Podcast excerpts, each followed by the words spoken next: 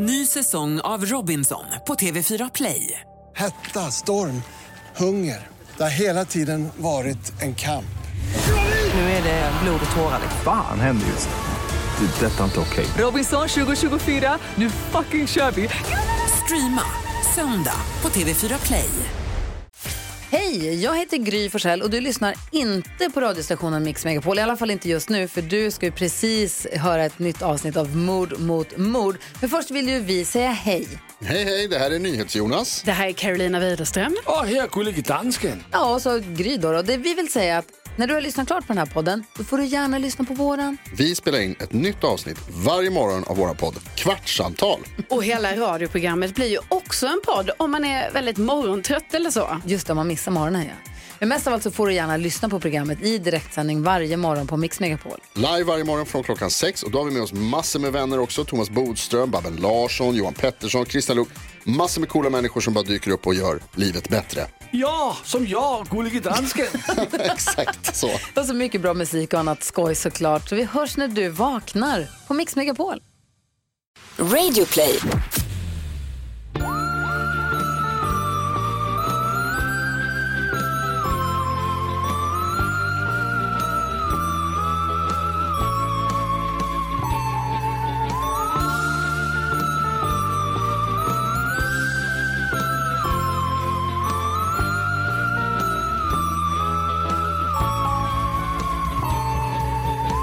Nu kör vi.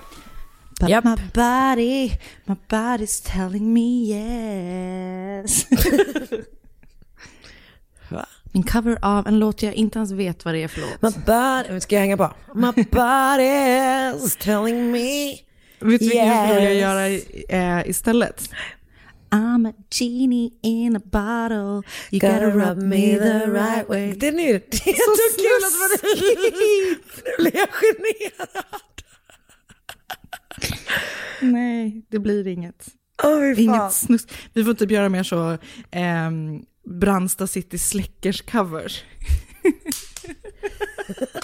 Sådär va? Exakt. Hur går det? Nu gör vi igen. Perfekt, jag slog en gravid kvinna i ansiktet. Jag kommer inte ens ihåg hur låten går, men vi, vi tar den. Vi tar den, vi tar den sen. Välkomna till Mord mot mord och veckans avsnitt som är avsnitt 118. Eller 19. Eller 19. Åh, Gud, det är så många. Alltså vet du, jag tänkte på det, det var, när, för det var någon som, eh, i- som skrev i Facebookgruppen, Mord mot mord podcast, kan man gå med om man vill, Ja. som var så här, vilket är ert favoritavsnitt? Och så var det någon som var, avsnitt 100, man bara, hur är det ens möjligt att vi har gjort 100 Ja, avsnitt? och alltså förstår du hur länge sedan vi spelade in avsnitt 20 som någon också tipsade om? Alltså jag kommer ju inte ens ihåg alla vi har gjort i Nej. podden. Nej men det är ju för fan, Det är ju omöjligt. nej men det är ju 240 fall typ. Ja. Det är jätte, jättemånga. Fruktansvärt många. Du, på tal om något helt annat. Ja. Jag har en fråga, jag har ett äh, ämne som jag vill diskutera med Okej. dig. Har du gjort en, har du gjort en mindmap? Har jag gjort en, eh, nej det har jag inte. jo, Vi hade alltså mindmap-teknik som ett ämne på SO. alltså ibland tänker jag att vi, du och jag är verkligen two different worlds. Okej, fortsätt. Eh, ämnet är så här.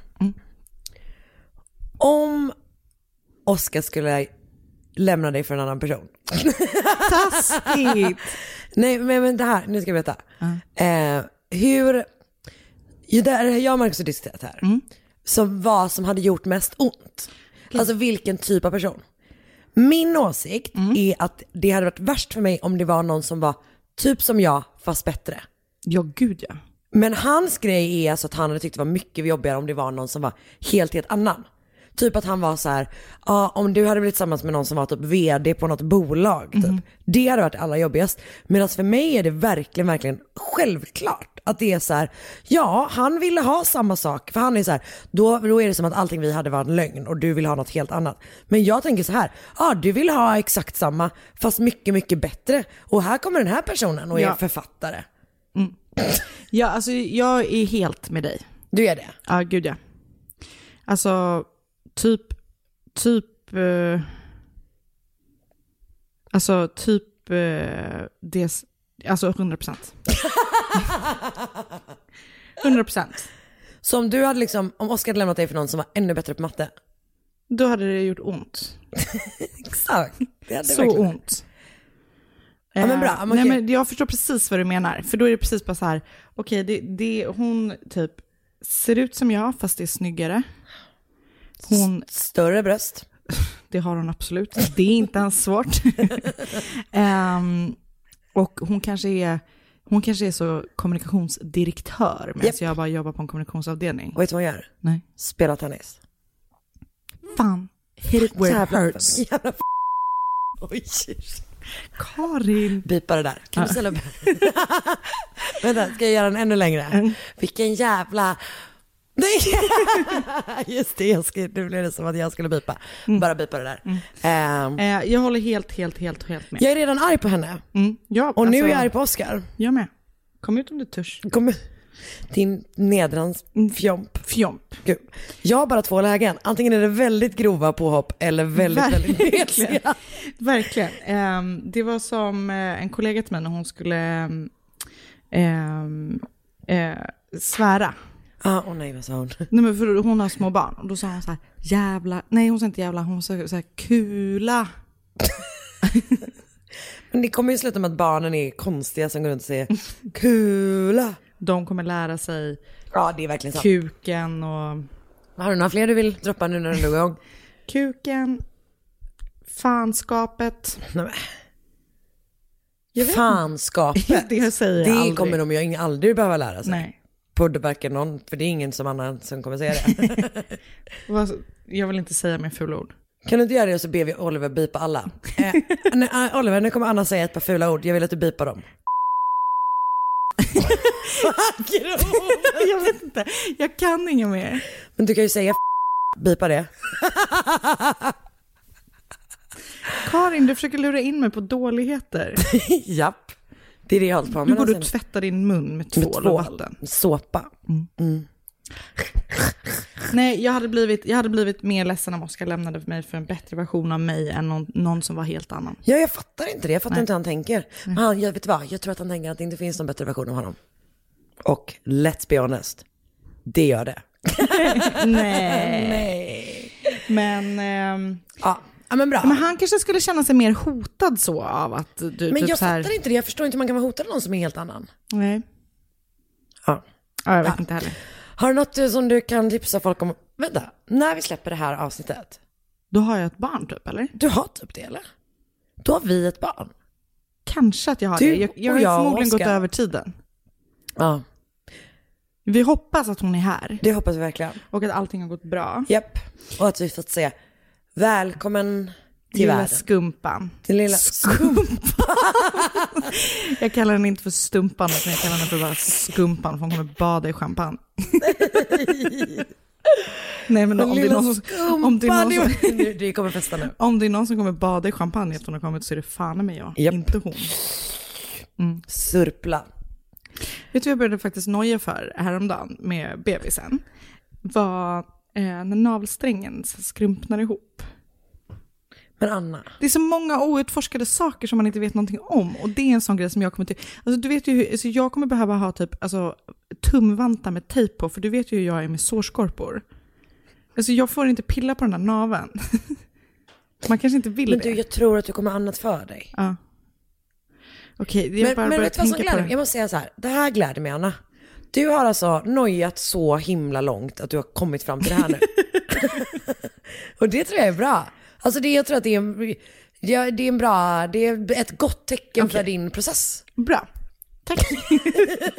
det var i alla fall en sak jag tänkte på. Och sen så, och också så att jag har eh, så semiföljt en eh, influencer som jag inte alls följer egentligen. Utan anledningen Du har till, gått in och smygkollat. ja, och en anledning till att jag följer henne är för att hon har varit eh, tio dagar före mig. Ah, ett försprång du omöjligt kan ta in. Det kan ju inte. Nej. Men hon har fött barn nu. Ah, men, vänta. Mm. När är din dag? 18 juni. Gud, det är så snart. Så hon födde typ eh, två veckor tidigt. Och jag är så avundsjuk på henne. För att men det ser så himla mysigt ut. Ja men det kommer. Och du vet, nu blir jag bara så här. Tänk om jag måste gå över tiden tre månader. Tänk... ja. Det är faktiskt inte så himla kul, har du tänkt på det? Lite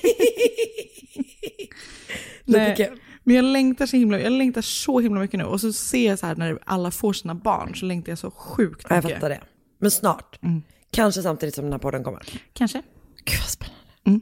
Men du vet vad? Om du någon gång ska kunna föda ditt barn så är det lika bra att vi börjar spela in den här podden. Ja, ja. ja. Du, bara, sista, du sa ju också till Oskar häromdagen, för att han tycker alltid att jag går och lägger mig så himla tidigt. Så här, men jag vill gå och lägga mig nu varje natt för att då är jag en dag närmare. Gullig. Mm. Du är söt. Du är bedårande. Tack skumpan. Ny säsong av Robinson på TV4 Play. Hetta, storm, hunger. Det har hela tiden varit en kamp. Nu är det blod och tårar. Fan händer just nu. Det. är Detta är inte okej. Robinson 2024, nu fucking kör vi! Streama söndag på TV4 Play. Ett poddtips från Podplay. I fallen jag aldrig glömmer djupdyker Hasse Aro i arbetet bakom några av Sveriges mest uppseendeväckande brottsutredningar.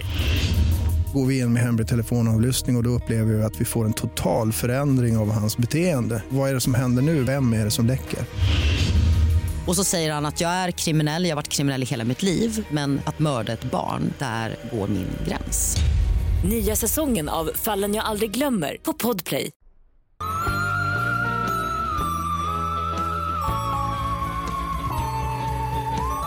Då ska jag börja. Ja. Idag. Um, det ska berätta om en jävla jävel. Aha. Pipa det där. Det ska jag vara. Ehm, han har varit på min radar ett tag. Okej. Nu kände jag, nu är det dags. Jag ska idag prata om Marcel Petiot. Mhm. En helt jävla galen fransman. Okej. Som misstänks ha mördat upp mot 67 personer. Och jävlar. Japp. Han föds den 17 januari 1897 i... Fan. Du kan. Nej, för jag kan inte. Och grejen är att jag kollade upp det här. Alltså, för att jag ska slippa det här. Vet du vad jag kommer göra nu? Nu kommer jag söka på det här namnet på Wikipedia. Och sen kommer jag sätta på ljudet på din dator. Och så kommer jag tvinga Wikipedia Mhm. att säga, säga det åt mig. Okej, smart. Varje gång. Jag har medvetet bara sk- inte skrivit in det mer. Okej. Auxerre. Okej. Auxerre. Där föddes han. Ehm, och det ligger typ 15 mil från Paris om jag förstått det rätt. Han är smart, han läser som en tioåring när han är fem. Han är också, redan från början, ett utåtagerande barn. Ja. Här kommer ett exempel på det. När han var 11 år gammal tog han med sin pappas pistol till skolan och sköt det i klassrummet. Det är verkligen en helt ny, en ny nivå av, jag har käpp med mig idag till skolan. Verkligen. Som alla ska fråga om. Har ni sett min nya hatt? eh, ja, och sen så försöker han också, alltså när han är i samma ålder, eh, tvinga en av sina klasskamrater till sex. Mhm. Härligt. 11 år, perfekt. Han går i sömnen, han har någon slags kramper om jag förstått det rätt. Kissar i sängen, plågar eventuellt djur. Och han är också väldigt tidigt i kontakt med typ psykiatrin. Mhm. Vilket jag tänker att man måste vara riktigt jävla jobbig om man liksom så tidiga 1900-talets Frankrike ska få gå till BUP. Verkligen. Då är man liksom, då är man out there. Då är man verkligen det. Så hans mamma dör 1912. Och då, då efter det så bor han med sin moster ett tag. Men han blir liksom relegerad från massa olika skolor.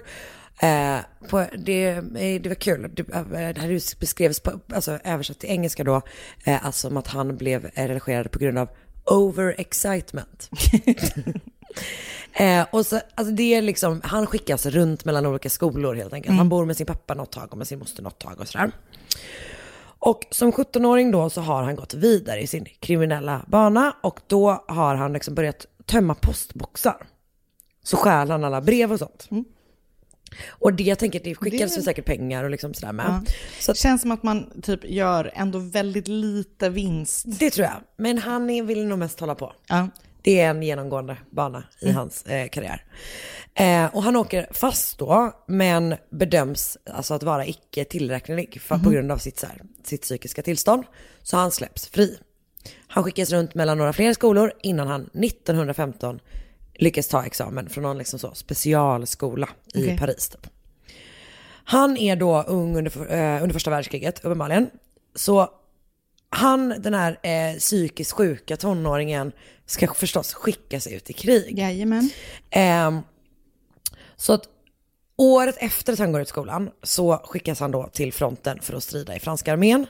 Ett halvår in i den liksom, eh, tiden så skadas han av granater och typ även någon slags kemiskt vapen. Alltså något Mm. slags liksom så här, någon rök eller något sånt typ.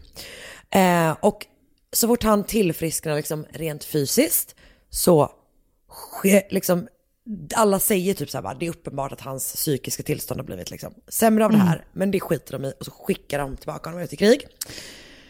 Sen så grips han för att han har stulit filtar, brev och fotografier eh, i liksom militären.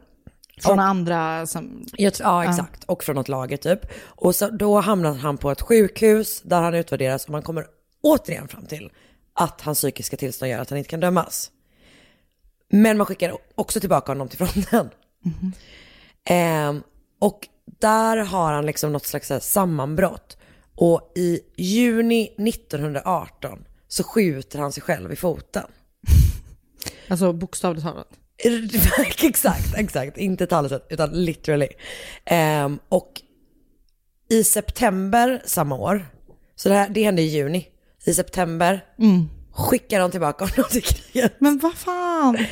Och där blir det liksom till slut så här, eh, han skickar att han, du vet att han, han hamnar på något till sjukhus typ. Och där säger läkarna att han eh, lider av bland annat, bland annat depression, minnesförluster, insomnia och självmordstankar. Och det till slut räcker för att han ska få eh, lämna armén. Vad bra. Mm, det tog sin lilla Finally. Mm, exakt. Så han får ut någon sån här vet, liksom, veteran, veteran, det? veteran säger man inte på svenska. Ex-soldat. Ex-militär. Ja men alltså någon inte. sån, Ja. nej inte jag heller. Någon slags pensions... För, för, för folk som har varit i armén liksom. Och Det är väl sen, säkert någon slags sjukpension i Sverige. ja, ja men exakt, det, är- det är nog lite så. Ehm, och ehm, sen så händer det här. Okej. Det finns någon, eh, något program för folk som har varit i militären som liksom, där de kan utbilda sig typ snabbare än vanliga utbildningar. För att de ska komma ut i eh, arbetslivet. Okej. Inte för att de är dubbelt så smarta. Som... Nej, alltså han går ju då åtta månader där. Mm. Och har därefter grundläggande läkarutbildning. Fan vad skakigt. Nej, nej. Och sen behöver man göra två år tror jag som någon slags AT-läkare eller whatever. Två operationer. Ja, två, exakt. Sen är man klar. Ja, men så han gör typ så praktik Okej. på, ett, eh, mm, på något mentalsjukhus i två år. Mhm. Och sen är han liksom fullfjädrad läkare. Fy fan, vad inte härligt. Och då börjar han, han bara, nu ska Var, man börja. är det här Praktiskt. 1925 typ eller? Ja, exakt. Typ tidigt 1920-tal. Han flyttade då till en by, fan, som heter Villeneuve-sur-Yon. Mm. Tackar. Tackar. Ehm, och den ligger då ganska nära den här stan som jag inte kommer uttala namnet på igen, Nej. där han växte upp.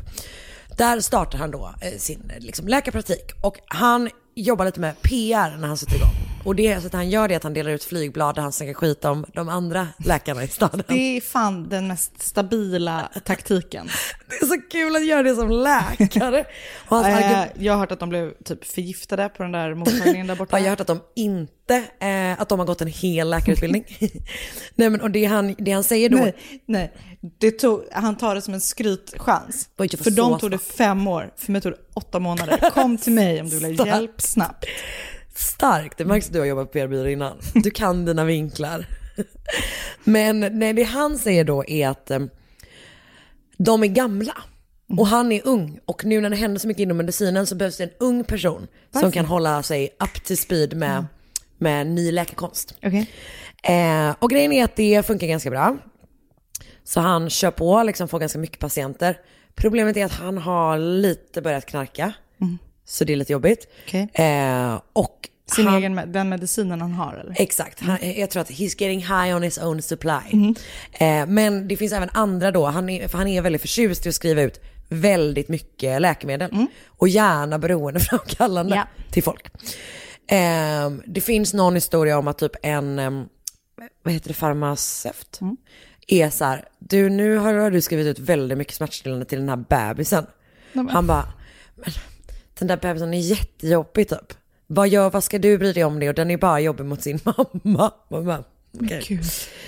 Han har liksom en, eh, en flytande inställning till det här att läkare ska typ så.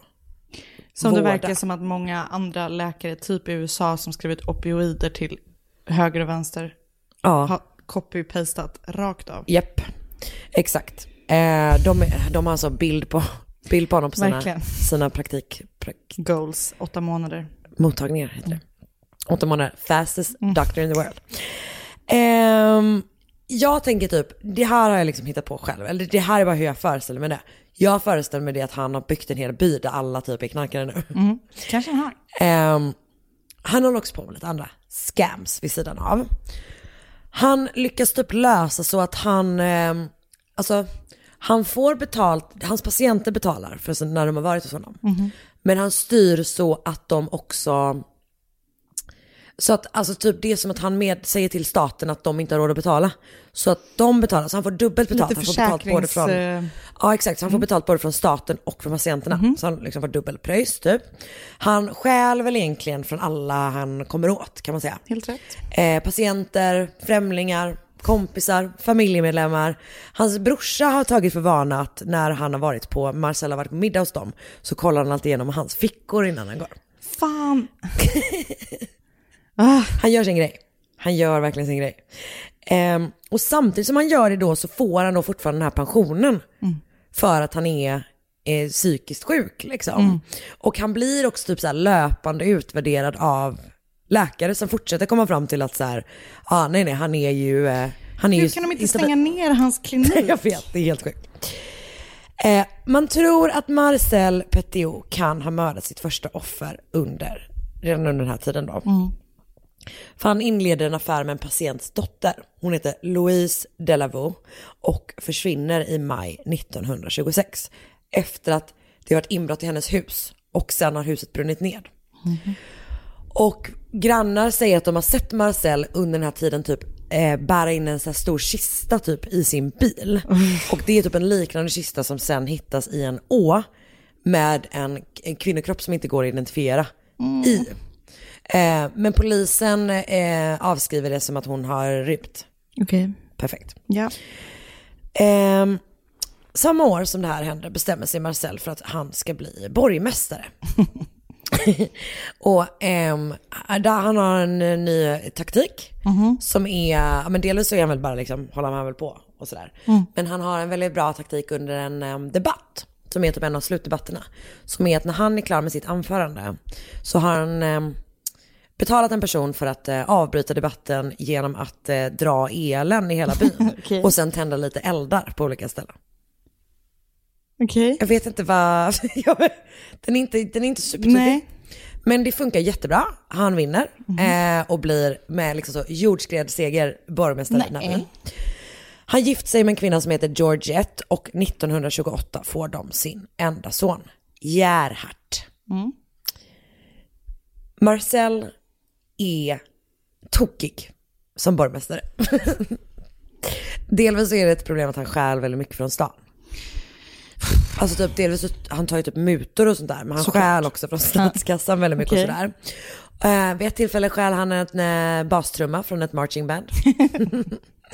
Eh, och sen så åker han fast för att han har stulit olja, alltså oljetunnor liksom. Nej. Han blir då av med sin borgmästartitel i starka fyra månader innan de är såhär, nu kan du komma tillbaka igen. Marcel din sköna Fan jävel. konstigt. Ehm, man misstänker också att Marcel under den här tiden begår, eh, kan ha begått sitt andra mord. För det är då ytterligare en kvinna som man tror att han har haft en affär med. Och hennes hus har det liksom varit inbrott i och det har brunnit ner. Och när man söker igenom det så hittar man hennes kropp eh, i, hon heter eh, Henriette och hon, eh, man hittar hennes kropp i vardagsrummet. Men hon har inte dött av elden utan hon, hon har dött av trubbigt våld. Ja, okej. Och när man, ehm, kollar runt husen och de bor ute på landet någonstans. Det är liksom någon sån, jag tror att de är typ mjölkbönder eller någonting. Mhm. Det, här, det här är så ett roligt bevis tycker jag bara. Att beviset är att eh, man kan se att fotspår leder tillbaka till den här byn där han bor.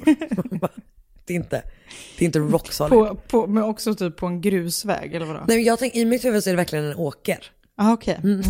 Men återigen, det har jag hittat på. Eh, och strax efter det så är det typ eh, en man som heter Fisko i efternamn, åtminstone, jag vet inte vad han heter i efternamn, förnamn. Eh, han söker upp Marcel för att få behandling för sin reumatism. Och sen så får han en spruta och sen dör han tre dagar senare. Okej. Men det är ingenting av det här som kommer göra att han eh, blir av med borgmästarmakten. Nej. Utan eh, till slut så är det typ att för många personer säger att han har stulit av dem. Mhm. Så det är liksom hela stan är så här, våran borgmästare tagit allt jag äger. Det är så sjukt. Alltså han passar verkligen på hela tiden. Så kör han bara. Och det verkar mer som att han Men- bara gör det som en, alltså att han är typ Han är kleptoman. Ja, exakt. Mm. Han utreds också för kleptomani senare. Okej. Eh, sådär, så det, de var ändå inne på det redan då kan man säga. Ehm, men så här, han, ja men sagt, folk tycker att han har stulit för jävla mycket. I augusti 1931 Mm. så blir han avstängd igen och då avgår han. Men alltså han är ändå så pass populär att hela kommun- kommunfullmäktige avgår i sympati med honom. Men gud. Alltså folk älskar honom. Men det är så sjukt. Det är jättes... Ser han väldigt trevlig ut eller? Nej men jag tror att han är karismatisk typ. Och man, manipulativ, tror jag. Eh, han får också eh, plats i kommunfullmäktige själv. Mhm. Sådär. Han är typ någon rådgivare kanske.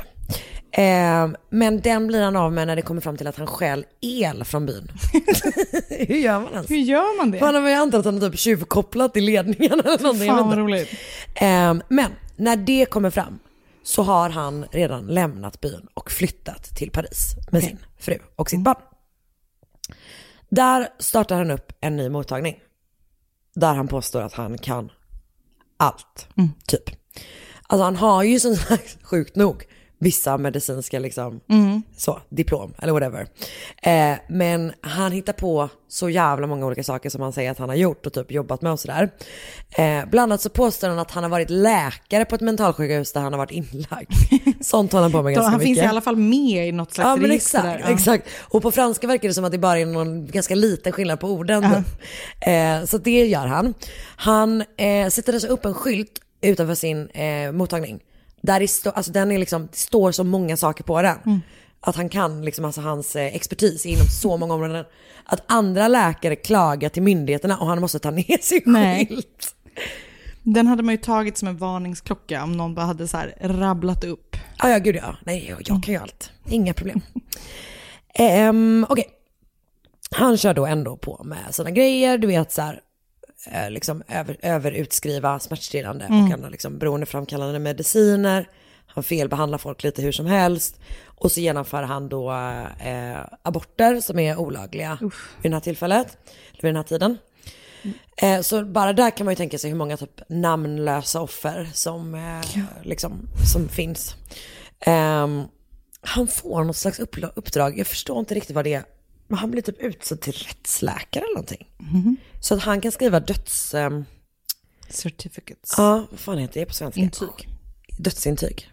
Så att han blir ansvarig för att göra det liksom. Mhm. Men även under den tiden så verkar det som att han stjäl väldigt mycket från de som är döda. Typ. Han, han håller på. Um, bup, bup, bup, bup. Nu ska vi se. Di, di, di, di, di. Okej, andra världskriget is a brewing. Och det är då en möjlighet som Marcel inte tänker gå miste om. Nej. Och i början så, han, alltså typ så, så skriver han ut intyg, falska intyg om typ folks, eh, om, om liksom fysiska skador och sådär. Som ska göra att de ska inte behöva åka till Tyskland och bli typ slavarbetare Nej. i fabriker. Eh, och sen så börjar han också behandla folk som kommer hem från kriget och sådär liksom. Och det är ju bra, såklart. Ehm, men det är ju liksom inte som att han gör det som någon slags fin grej, utan han vill ju bara ha pengar. Och han fortsätter skriva ut jättemycket mediciner och gör liksom gärna folk till typ knarkare. Eh, 1942 försvinner två personer som sökt sig till honom för att få ut medicin. Mm. Och ingen vet vad som har hänt dem typ. Fan vad weird.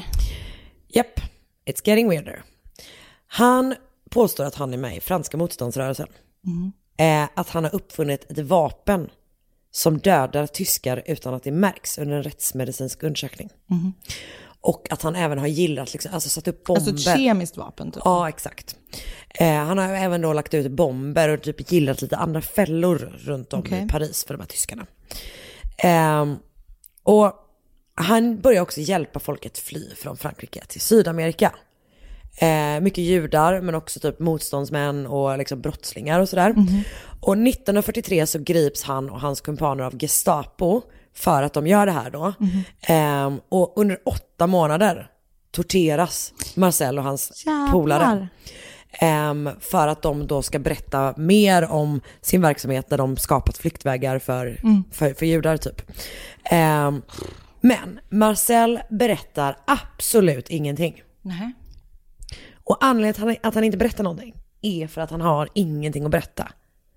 Eh, han har helt tittat på att han är med i de här eh, hemliga organisationerna. Jaha. Och han hjälper ju då inte människor som söker folk. sig till dem. Honom. Exakt. Han tar deras pengar och mördar dem.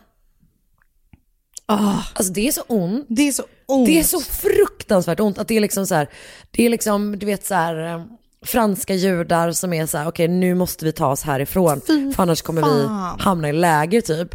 Eh, ger honom sina sista besparingar och eh, för att komma till Sydaf- eh, Sydamerika. många, många nivåer av evil verkligen. Ja, ja, jag vet. Det är verkligen fruktansvärt. Okej, den 11 mars 1944 så knackar en granne på eh, Marcel Petiots dörr på Rue La Lesseur. Södra vägen. Kanske, Bra. hittade på. Nummer 21 var det i alla fall. Jättebra. Eh, och han har då liksom tröttnat på, alltså både han och de andra grannarna har tröttnat på att det kommer typ en, en illaluktande rök från huset och en illaluktande doft typ från Marcels lägenhet. Och det har pågått i typ flera dagar. Eh, och de är liksom så här, nu, har det, nu är det fan nog typ. Så man knackar på, men Marcel är inte hemma. Utan han har lämnat en lapp där det står att han kommer vara borta under en månad och anger typ en ny adress som man ska så här, skicka vidare post till och Mm. sådär. Eh, så att grannarna går till polisen istället och de kommer dit och intervjuar personer som liksom så här pratar om, eller förhör, eller vad fan polisen gör. eh, de pratar om att typ Marcel har haft ganska mycket konstiga vanor för sig. Mhm. Bland annat så har han liksom, du vet, det Men nu last- bor han inte med sin fru eller? han har två boenden. Okej. Så det här är ett och sen så har han då det här andra liksom. Okej. Eh, dit han vill ha posten. Nej men så där, de har liksom sett honom eh, till typ komma så kanske typ en mindre lastbil och lasta ut, eh, eller och lasta in eh, typ 40 till 50 resväskor. Mitt i natten typ. Vid ett annat tillfälle så är det typ så här att det är liksom säckar som lastas ut, att det händer, det händer grejer Ja, på ett weird sätt Mm. liksom. Ehm, så att polisen ringer Marcel, för han är ju inte där. Och de ringer honom på den här, det här nya stället. Och han bara, eh, har ni gått in i lägenheten? Mm. De bara, nej det har vi inte gjort. Han bara, okej, gör inte det. Jag kommer om en kvart. de väntar en halvtimme. Mm. Han har inte kommit. Då går de in ändå. Och eftersom det är liksom, eh, i den här röken då, så börjar de att skicka in brandmän. Och de här brandmännen går ner i källaren för det är liksom där brännaren är. Och sen kommer de upp och alltså kräks liksom. Ja. Och typ att brandchefen säger till polisen bara så här, ja där har ni, där har ni typ ert jobb framför er liksom. Så sen så går de då, eh, polisen går ner och där hittar de så jävla vidriga saker. Ehm, för i den här källaren så eldas då alltså kroppar. Och de ser en arm typ hänga ut ur liksom ugnen typ, eller ur, ur den här liksom eld, Mm. eld, Staden. eldstaden, exakt.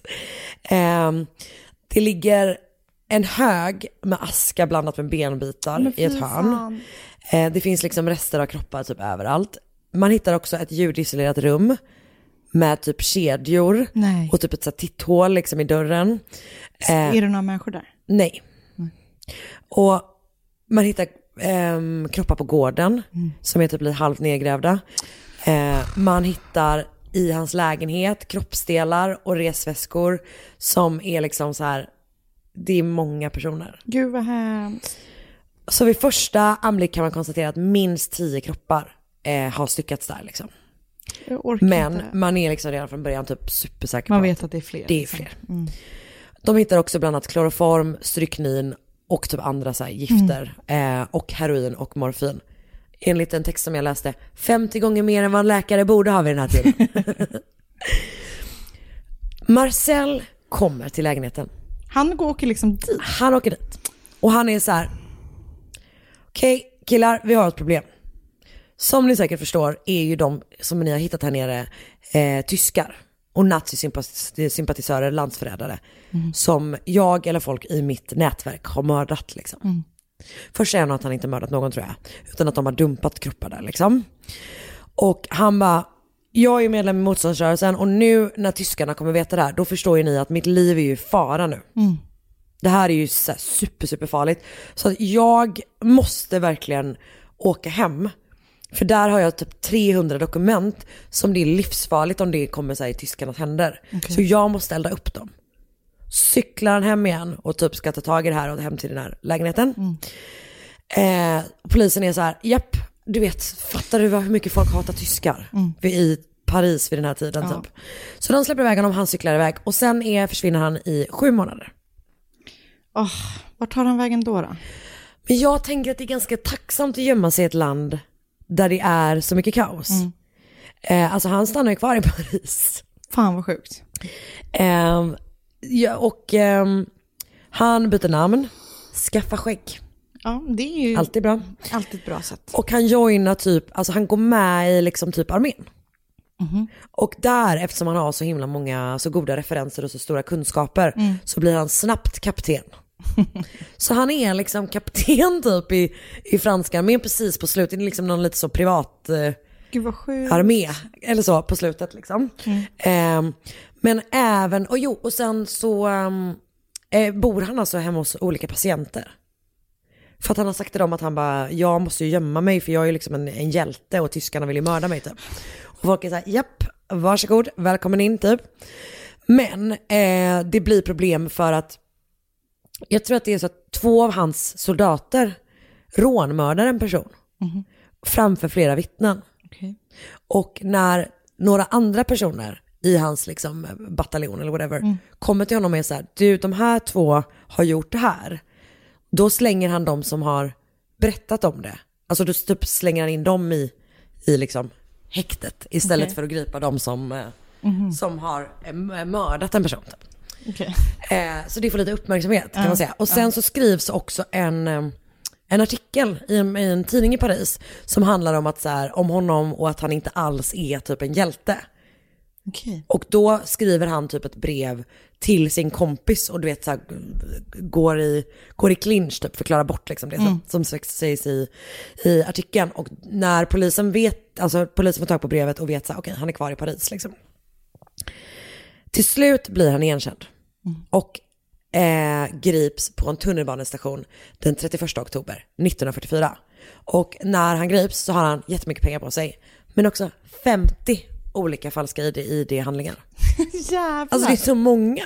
Men är det att han har tagit från sina offer då tror du eller? Jag vet inte, eller om det är, det är så att det är falska ID-handlingar. Så det då känns borde det som att det var mycket lättare att göra förr. Att det var typ så här, man skrev ett papper typ. alltså verkligen sant. Man målade, Med målade en namn, teckning. typ. Ja, typ. Japp. Okej, han håller då fast vid att hans offer har varit nazister och landsförrädare. Mm. Och han säger då att de har dumpats där av folk i hans underjordiska nätverk. Men eh, ingen i liksom motståndsrörelsen bekräftar typ att han har varit, åtminstone inte att han har varit en ledare där. Nej. Det finns de som är så ja ah, men han dök upp någon gång liksom. Men inte mer än så typ. Ehm, och han säger också att eh, ganska många av de, de liksom misstänkta offren faktiskt är i Sydamerika. Och de bara, varför har vi inte hittat några, något som tyder på att de lever? Han bara, Sydamerika är stort.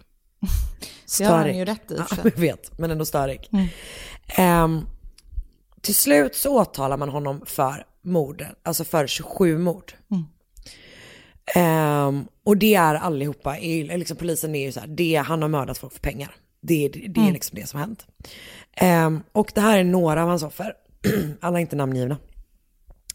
Eh, Nelly Denise Hotan som var gravid Nej. och gick till honom för att göra en abort. Nej. Japp. Eh, Paul Leon Braunberger som är en eh, äldre judisk man som vill fly med sin fru. Ivan Dreyfus som också är judisk, eh, en judisk man. Och han blev tvingad av en Gestapo-agent att söka upp Marcel för att försöka liksom kolla fluktvägen. Mhm. Och sen sågs han aldrig till igen. Alltså han, att han skulle, skulle- posa som, ja. som en person som ville, Mm. ville fly typ. Ehm, nu ska vi se. Han, eh, en hel familj, familjen Kneller, eh, hittas i eh, Rivers, vad heter den?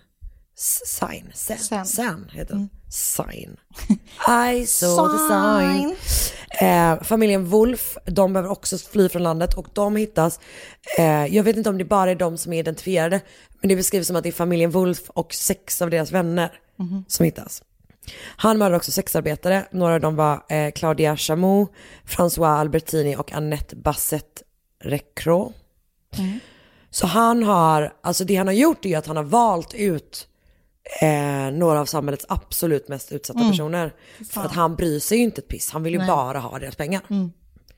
Och du vet, det han kan inte ens att- behöva pengar. det är Nej, liksom inte och- det som... Och man undrar också typ så här, hur mycket pengar har den där stackars gravida kvinnan som ska gå och få göra abort? Alltså, Nej, alltså han vill ju mörda. det handlar ju, exakt. Det, är ju, det känns ju helt obvious att Ja, han typ ja. får ut någonting av det. Okej, han erkänner då att han har mördat 19 av de här 27 under rättegången. Men han Mm. säger att alla är liksom Tyskar. nazister. Mm. Eller man bara, just det. Det är nog väldigt, väldigt likely att den här gamla judiska gubben och hans fru, Mm. de var nog nazisympatisörer. Låter superroligt. Ehm, och han är liksom så här, jag är en fransk hjälte. Mm. Och det finns också de som typ tror på honom. Alltså som fortfarande Ja, håller liksom fast vid det. såklart. Att hans advokat har något anförande typ och att folk typ applåderar i rättssalen. Han är förstås också väldigt engagerad i sin egen rättegång och förhör folk och sånt. Härligt. Ehm, domaren och juryn, det är någon sån kombinerat system där, eh, de överlägger i tre timmar och efter det så dömer de honom till döden. Dum, dum, By dum. guillotine. Mm. Och först så måste de, han, han ska liksom eh, avrättas på något specifikt datum. Det skjuts upp för att this, it's been a problem with the guillotine. Så de måste ta in Den har inte använts sedan Marie Antoinette. Verkligen. Rostat. Eh, så de måste få tag på en ny. Okej. Så de får in en replacement guillotine. Sjukt. Eh, om morgonen den 25 maj så ska han då till slut avrättas. Han erbjuds ett glas rom. Mm. Vilket tydligen var en grej. Inte min drink of choice. Nej men det var tydligen en tradition. Eh, han tackar också nej till det. Okej. Så inte hans drink of choice heller. Däremot accepterar han en, eh, han tar emot en cigarett som han röker. Han går med på att träffa fängelseprästen, men bara för sin frus skull. För att hon ska, jag vet inte, tänka att han har fått pris eller någonting. Mm. Han säger själv att han är inte religiös och han har ingenting på sitt samvete. Nej. När han går fram till giljotinen är han liksom lugn, verkar oberörd. Han beskrivs typ, det är någon som beskriver det som att det är så här, att det är lite som att han bara går in till kontoret på morgonen. Alltså du vet verkligen ingenting typ. Eh, och innan han spänns fast så, så här, tittar han upp på de som är där och säger han så här, mina herrar, jag föreslår att ni inte tittar, det här kommer inte bli trevligt. Fy fan. Fem över fem på morgonen slår giljotinen ner och Marcel dör 48 år gammal. Ryk, enligt ryktet, enligt sägnen, Mm. så liksom hade, hade hans huvud, hans ansikte ett leende när huvudet rullade ner i korgen. Alltså. Jag tycker det är jätteläskigt. Jag förstår att giljotin typ inte är så Det- det är farligt för att det går väldigt obehagligt. fort. Men det är någonting som är så sjukt läskigt med att så här, Åh, nej panik. Och man tror då att han kan ha dödat så många som 63 personer. jag tänker att han har dödat ännu fler. Ja, nej men och det är typ det att de är liksom så här Då har de räknat lågt. over liksom, precis. Och jag har då läst en text av Michael Newton som var jätte, jättebra och jag hittade den i typ arkiverad version från eh, av Crime Library Serial Killers, Mm. men också av Murderpedia, All That's Interesting, People Pill och Wikipedia. Wow. Vilken jävla jävel va? Vilken jävla jävel. En gammal fransk eh, jävel. En gammal, en gammal jävla fransk jävel. Men det är någonting med en sån, eh, Alltså väldigt... alltså eh, så lång, eh, du vet ja. att han har gjort så mycket konstigheter. Och att Ja. Alltså utöver att han är ju fruktansvärt jävla obehaglig som mördar, ja det är ju så jävla upprörande. Väldigt, eh, väldigt läskigt. Och just att att det här med, med folk som passar på att utnyttja en situation Ah, som är, vet. är krig. Japp, liksom. en vidrig, vidrig Och situation. att folk flyr för att de har, liksom, det är fuck, fucking genocide. Ja, nej men alltså det är ju som typ en sån, eh, det är som en super, super extrem version av folk som är typ så här, ja ah, nu är det corona typ, nu ska jag tjäna pengar på det här och det här. Permittera min personal. Nej, Nu, nu ska jag tjäna pengar på att typ så här, vad var det typ Katrin Zytomierska påstod att man kunde typ köpa någon jävla olja av henne. Och jag som skulle typ hjälpa hennes. Bara, Så här är coronatider, man bara nej nej nej nej. Fy fan. Ah. Väldigt spännande. Jag har aldrig hört talas om honom. Har du inte det? Nej. Jag tror faktiskt att de har gjort det i med Favorit Mördare men det är länge sedan. Okej, då har jag hört För att jag, det jag minns är ju, alltså delvis uppenbarligen de här fruktansvärda sakerna på slutet men också just det här när han bara, nu ska jag bli borgmästare. Det är väldigt roligt och det känns lite som typ Trump. Japp, Som bara, jag, jag bara blir, Jag vill det. Jag bara, nu tänker jag bli det. Ja, jag vill det. Och då blev jag det. Men och det som är fascinerande är att han har jättemycket folk som liksom stands by him hela vägen. Han måste ju varit helt sjukt charmig Ja. och lyckats få folk att tro på hans lögner. Fransmän har ju det. Alltså vet jag tänker typ alla, alla somrar jag har varit i Cannes. Där har du blivit charmad va? Där har man blivit liksom charmad av både en och annan fransos. Men det är... Det är en annan podd. Det är ett ämne för vår sexpositiva podd. det här är den sexnegativa. Det är det verkligen. Okej, Ja, tack snälla Karin. Tack ska du ha Anna.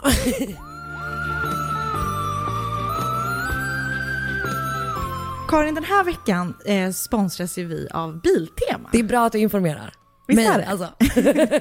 Och eh, Biltema är ju en helt otrolig butik, för de har ju Allt. allt. Alltså vad man än kan tänkas behöva, så finns det på Biltema. Sist jag var på Biltema så skulle jag kanske typ så köpa lite olika krukor, alltså lite, lite så trädgårdsgrejer. Slutade med att vi kom därifrån med en fiskehatt med korvar på. Bara en sån sak. ja, det var underbart. Och det som är så härligt med Biltema nu är att eh, vi alla kommer ju tillbringa ganska mycket tid Hemma, i hemma sommar. i sommar. Det kommer definitivt bli mycket mindre resande. Det kommer det. Ja. Och på Biltema så finns det massa saker du kan handla där för att göra din sommar lite roligare. Alltså det vi alla behöver i sommar är ju en studsmatta. En studsmatta, kanske en grill att sätta ut på gården, Kanske typ tälta. tälta, Man kan köpa tält. eh, kubb. Även kubb. Allt finns på Biltema. Och de har ju en otrolig tjänst. Exakt, som heter Köp, Köp och hämta. och där så kan man liksom sitta hemma, eh, man väljer alla sina härliga saker man vill ha på sommaren eh, på biltema.se, Mm. klickar dem, klickar ihop dem, lägger dem i en varukorg, korg, jag är väl inne på korv nu, Mm. eh, och sen så kan man välja vilket varuhus man vill hämta dem på. Exakt. Så bara några timmar efter att man har plockat ihop sina varor på liksom deras webb Mm. så kan man hämta ut dem i butik. Som du väljer själv, vilket varuhus som ligger närmst. Det är ju superbra. Det är superbra. Så gå in på biltema.se och eh, Hitta, hitta dina allt. grejer. Exakt. Så, så, så ser vi till att den här sommaren, Blir bra. nu löser vi det här. Mm. Ja. Ett poddtips från Podplay. I fallen jag aldrig glömmer djupdyker Hasse Aro i arbetet bakom några av Sveriges mest uppseendeväckande brottsutredningar. Går vi in med hemlig telefonavlyssning och, och då upplever vi att vi får en total förändring av hans beteende. Vad är det som händer nu? Vem är det som läcker? Och så säger han att jag är kriminell, jag har varit kriminell i hela mitt liv men att mörda ett barn, där går min gräns. Nya säsongen av Fallen jag aldrig glömmer på Podplay.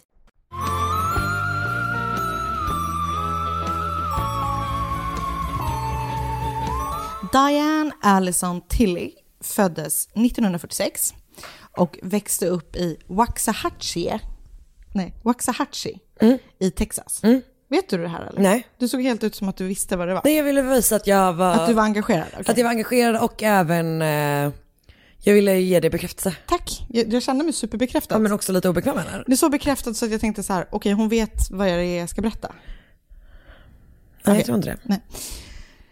Eh, när hon gick ur high school så bestämde hon sig för att vidareutbilda sig till lärare och hon pluggade först på Baylor University i Texas och sen så pluggade hon vidare och läste School Administration på Trinity University i San Antonio i också i Texas.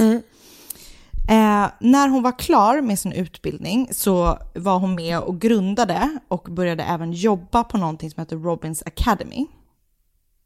Eller hon kan ha haft jobb innan, men där storyn är nu, eller där jag kommer vara i den här storyn, är hon på Robbins Academy som hon har varit med och startat och sen nu jobbar på. Robbins Academy är en skola som säger alltså, om sig själva att de är inte som alla andra, utan de är väldigt så här, inriktade på att hjälpa ungdomar som har det svårt. Japp. Ehm, vad det nu kan vara för olika saker. Eh, Diane var otroligt omtyckt av både sina kollegor och av sina studenter. Hon var till skillnad från många andra vuxna som de här ungdomarna träffade, eh, liksom, så valde hon att eh, tro på dem och så här, ni kan göra precis vad ni vill, bara ni liksom bestämmer er för det. Hon trodde på alla människors bästa. Hon var verkligen en sån Bra lärare är- toppenlärare. Ja, men bra lärare är fan det finaste vi har. Verkligen. Och många elever typ var så här, de såg henne typ som en extra förälder som de kunde prata med liksom, saker om, som Mm. inte bara var skolan typ. En av hennes kollegor eh, beskrev henne som så här, Diane was the heart of the school to the teacher as well as the students. Diane would never let students give up. Så hon verkar ha Mm. varit liksom så här, pushat dem men på rätt sätt, liksom, att så här, peppat dem snarare än pushat dem. Så fint. Så fint. Alltså sådana människor, they deserve a prize man. Det gör de verkligen. Mm. Och också a pay raise. Men jag skulle precis säga det. Ordentlig lönebump. Fan. Eh, utöver då hennes skolbarn, som hon också såg som sina liksom, egna typ, så hade hon två egna barn. Och hon var frånskild. Vi befinner oss i år 2004. Ja. Eh, så kvällen den 22 november 2004 så var livet liksom pretty much perfect för Diane. Hon var då 58 år gammal. Hon hade varit på någon så här skolgrej, någon, någon happening i skolan, alltså på Robbins Academy. Och ett av hennes barn väntade Dianes andra barnbarn. Japp.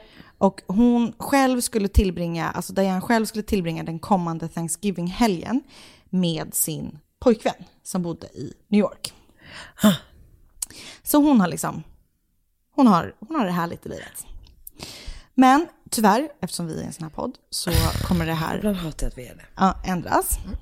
Ehm, för när hon håller på att typ packa ihop sina grejer för att resa dagen efter, så knackar det på dörren. Och utanför dörren, det regnar, det är en sån regnkväll. Utanför dörren står den 15 år gamla Pearl Cruise. Och Diane och Pearl är bekanta med varandra för att Pearls pappa Ronnie har hjälpt Diane med så lite trädgårdsarbete. Typ. Han har någon sån här, eh, han klipper gräs och du vet fixar i, i, eh, San, i San Al, de bor i San, Al, San Alamo Okej, ja. i Texas. Ehm, och där, där jobbar han, eller han liksom sysselsätter sig med att typ, ja, vara trädgårdsmästare, fast, fast inte trädgårdsmästare. Han typ klipper gräs. Ah. Men då är man väl också trädgårdsmästare? Jo, det, men, men mer att han typ så här, äh, delar, alltså han, han är, Du menar att han inte är arborist? tack. Typ så. Ehm, han verkar liksom... ja, Han är lite jag- så jag berätta- också. Jag ska berätta mer om honom snart. Gud, vi måste sluta gissa. jag gissar, du vet. Pearl berättar att eh, hennes bil har slutat funka och att hon behöver komma in för att låna eh, telefonen för att ringa någon som kan komma och hjälpa henne med att liksom, få igång bilen eller typ bärga den därifrån. Ah. Och ehm, Diane, eftersom hon är typ världens godaste människa och typ älskar ungdomar, ehm, så vill hon såklart hjälpa den här barnet in need. Liksom. Så hon släpper in Pearl och bara självklart kom in, låna min telefon. Eh, men det skulle hon inte ha gjort, för så fort Diana släppt in Pearl så är hon inte längre liksom den här... eh, Men hon var 15 år gammal.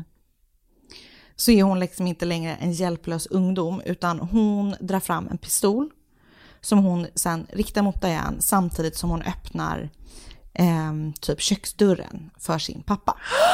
Den 33 år gamla Ronnie Neal. Vänta, det är alltså en 15-årig flicka och hennes pappa som är... Oh, wow, okej. Mm. Eh, och Ronny då, alltså pappan, har som sagt träffat Diane när han delade ut flyers för sin så här, uh, gardening, alltså gräsklippartjänst. Så hon var typ så här, de började typ snacka lite och, och han, han har också haft det lite så tufft. Så hon är typ bestämmer sig för att anlita honom. Och han inser då att hon är så här snäll person som också har väldigt gott ställt.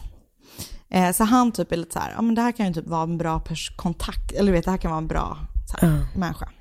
Så han typ berättar om sin familj, han berättar om sin situation, han berättar om Pearl. Och ehm, första gången han är där och klipper gräs och han berättar om Pearl så ehm, ger Diane honom typ en så här gungställning som att det här kan du ge till din dotter. För han har typ ingenting att ge till sin dotter, liksom, säger han. Mm. Så hon här, men du kan ta den här, typ jag har inga barn längre, eller små barn längre. Så. Ehm, någon gång har han också med sig Pearl eh, över till Diane. Så de, så liksom, han, hon lär känna dem lite grann. Och ehm, eh, ja, hon litar på dem. Liksom. De verkar vara så här snälla människor typ.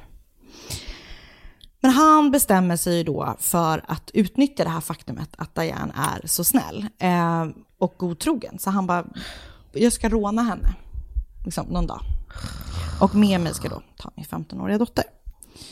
Eh, så dagen efter det knackat på Dianes dörr, alltså den 23 november, så skulle Diane ha lämnat av eh, kalkoner på Robins Academy på vägen till hennes egna, eh, hennes egna Thanksgiving-firande. Men när hon då inte dyker upp med de här kalkonerna så blir hennes kollegor jätteoroliga eftersom det är, så här, det är inte likt henne Nej. att inte bara dyka upp. Så de anmäler henne försvunnen och polisen börjar då undersöka vad som har hänt. Ehm, och de åker hem till henne, men där hittar de inte henne. Eh, och, Går de in i lägenheten? Ja, exakt. Eller i huset? I huset. Ehm, och hon är inte där. Och eh, jag, vet, jag tror typ inte att det är så stö... Alltså vet, det kanske är någonting så här. Men, men de börjar i alla fall typ så tracka vad som man kan, liksom, de börjar typ kolla så att transaktioner som har gjorts, har hon setts någonstans? Ja. De börjar, börjar höra sig för. Så när de då börjar se transaktioner som har gjort med hennes kort så vänder poliserna, liksom riktar in sig fort på, eller direkt på Pearl och Ronnie, eller ja, på Ronnie, för att han har fångats på en övervakningskamera när han tar ut pengar på hennes Dianes kort. Ja. Så polisen, jag vet inte om de har eh, koll på Ronnie och Pearl, men de får i alla fall det. För att de åker eh, hem, eller inte hem, de åker till det motellet där Ronnie och Pearl bor för Mm. att liksom prata med dem om det här. Ehm, och när de kommer till deras rum så ser de att så här, okej, här är det massa grejer som är stöldgods som är taget från Pearls hem. Ehm, så att de är bara så här, okej, ni, ni är gripna. Liksom. Mm. Ni har stulit det här och ni finns också med på den här övervakningskameran. Där, där, liksom, där ni har använt den här kvinnan som är saknads kort. Eh, men trots att polisen har de här eh, ändå ganska så tydliga eh, bevisen, att de, att de har i alla fall rånat Diane, så eh, förnekar de att de har någonting med hennes försvinnande att göra. Ja, men, men säger de så här, de bara, ah, vi har tagit de här grejerna men vi vet inte vart hon är. Är det liksom där eller är det så här? Vet inte. Nej, nej, det här är min nya da- dator. Jag, jag vet faktiskt inte. Jag tror Nej. att de säger det. Antagligen så är de väl första alternativet. Ja. Polisen plockar i alla fall in dem och liksom så här för vidare förhör. Och det typ dröjer ganska länge innan, innan Pearl börjar prata. För Hon är jätteliten. och det, här, det är väldigt hemskt. Men till slut så säger Pearl så här, okej, jag vill i alla fall samarbeta om jag kan få göra en deal med åklagarna eller polisen eller vem det är man gör dealen med. Så Pearl berättar var polisen kan hitta Dianes kropp. Och kroppen eh, ligger lite så här halvt gömd under en buske vid typ så här, du vet en sån scenic route drive, typ i närheten av någon sjö där, där de bor. Eh, och Pearl börjar sen berätta då liksom vad som har hänt. Och hon berättar då att eh, Ronnie och Pearl har gett sig dit för att råna Diane. Eh, och när de väl är i huset så eh, är de så här, men det finns typ inte tillräckligt mycket för oss att stjäla här. Så att vi får ta hennes kort ehm, eh, och åka och typ så att ge, be henne ge oss koden och sen åka och tömma kontot typ. Så de, snor, de tar kortet ehm, och så, så försöker de tvinga fram Diane att ge koden. Och till slut så ger hon upp och bara så här, ah, okej, koden är 1, 2, 3, 4. Eller vad den är. Och sen så... Det var ett exempel. Och det är inte min kod. Nej. Eh, ehm, så han åker, Ronny åker då till bankomaten för att ta ut pengar. Men när han kommer fram till bankomaten så har hon gett fel kod. Oj. Så han är Rasande. rasande. Han blir inte glad när han upptäcker det. Så han åker tillbaka till Dianes hus och är alltså galen. Du vet, han är så här, din jävla pip, pip, pip. Eh, ge mig koden, annars kommer jag döda din katt om du inte ger mig koden. Och du vet, han är helt så här skogstokig. Så Diane bara, okej, okej, okej. Koden är 4321. Vilket är Annas riktiga kod. Eh, och då åker han iväg igen och länsar Dianes konto. Medan Pearl då vaktar med pistol, under, alltså vaktar Diane under pistolhot. så här. Jag kan inte släppa hur ung hon är. Hon är så ung. När han kommer tillbaka och har tömt Dianes konto så säger han åt henne att eh, följa, med honom efter, följa med honom in i hennes sovrum. Väl där inne så binder han henne, hennes händer bakom hennes rygg och sätter ett örngott över huvudet.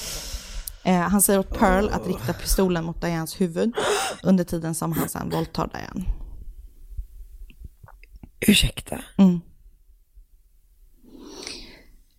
Åh gud. Ja. När han har våldtagit henne så tvingar han henne in i hennes egna bil och så kör de iväg alla tre till den här platsen. De stannar bilen och Ronny tvingar Diana att gå ut och sen skjuter han henne. Först en gång och sen så fyra gånger till. Och sen så lämnar de henne lite så här halvt om halvt gömd under den här busken. Vad i helvete. Så jävla hemskt. Och sen så åker de då till det här motellet där de, De två bor. bor. Eh, när polisen liksom grottar vidare lite i varför eh, Ronny och Pearl har då rånmördat Diane så dyker det upp liksom en helt ny dimension av vidrighet i det här. För att det visar sig att Ronny inte bara är liksom en allmänt shitty människa utan han är också en otroligt shitty pappa. För Pearl har då, ehm, henne, alltså Ronny och Pearls mamma lever inte ihop. Och Pearl har rymt hemifrån liksom både en och två och typ 25 gånger under sitt liv. Och eh, en av anledningarna till att hon gjorde det var för att hon blev utsatt för övergrepp av sin pappa. Precis innan eh, mordet på Diane så har Pearl bott hos sin mormor efter att eh, Pearls mamma har blivit av med vårdnaden om Pearl och Pearls nio syskon. Eh, men av någon anledning då så rymmer Pearl från sin eh, mormor också och eh, åker hem till sin pappa. Eh, det, Pearl var 13 år gammal första gången Ronny utsatte henne för övergrepp Oh. hemma. Eh, men han, liksom, det slutade inte där utan han utnyttjade henne och bestämde sig också för att sälja henne till andra män. För att typ eh, ja, finansiera sitt liv, typ så här, eh, droger. Vad i hela helvete. Jag vet. Så Åh, Ronny brukade hemskt. hyra ett rum på ett motell där han då tog emot de här männen som han sen sålde då. Och hon var typ 15 år tonårsdotter till. Ja. Han såg också till typ att så här, förse sin dotter med diverse droger som han själv brukade, typ så marijuana, kokain och, och alkohol. Liksom. Så de typ missbrukade ihop, eller brukade ihop i alla fall. Ehm, och enligt Pearl då så visste hennes familj om vad hennes pappa utsatte henne för, men det var ingen som gjorde någonting för att stoppa det eller hjälpa henne ur det. Och under tiden då som de mördade Diane så var Pearl gravid med något som skulle visa sig vara då hennes pappas barn. Åh fy fan. Mm. Så det är så jävla vidrigt. Eh, gud! Mm. Jag vet, jag är hemskt ledsen för det här faktiskt. Det här är fruktansvärt Mm. verkligen. Så Pearl vittnar mot sin pappa då Oh, ehm, i rättegången och ehm, Ronnys försvar hävdar att det var Pearl som hade skjutit Diane eftersom hon då enligt Ronny eh, och hans försvar hade blivit galen av svartsjuka Absolut. när han våldtog Diane. Absolut, absolut. Åh Mm. gud! Nej, Det är så jävla vidrigt.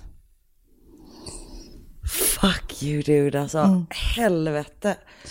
Det är så Ah. jävla vidrigt. Eh, rättegången pågår typ några månader eller något sånt där. Och 2006 så döms Ronny för överlagt mord. Han döms till döden.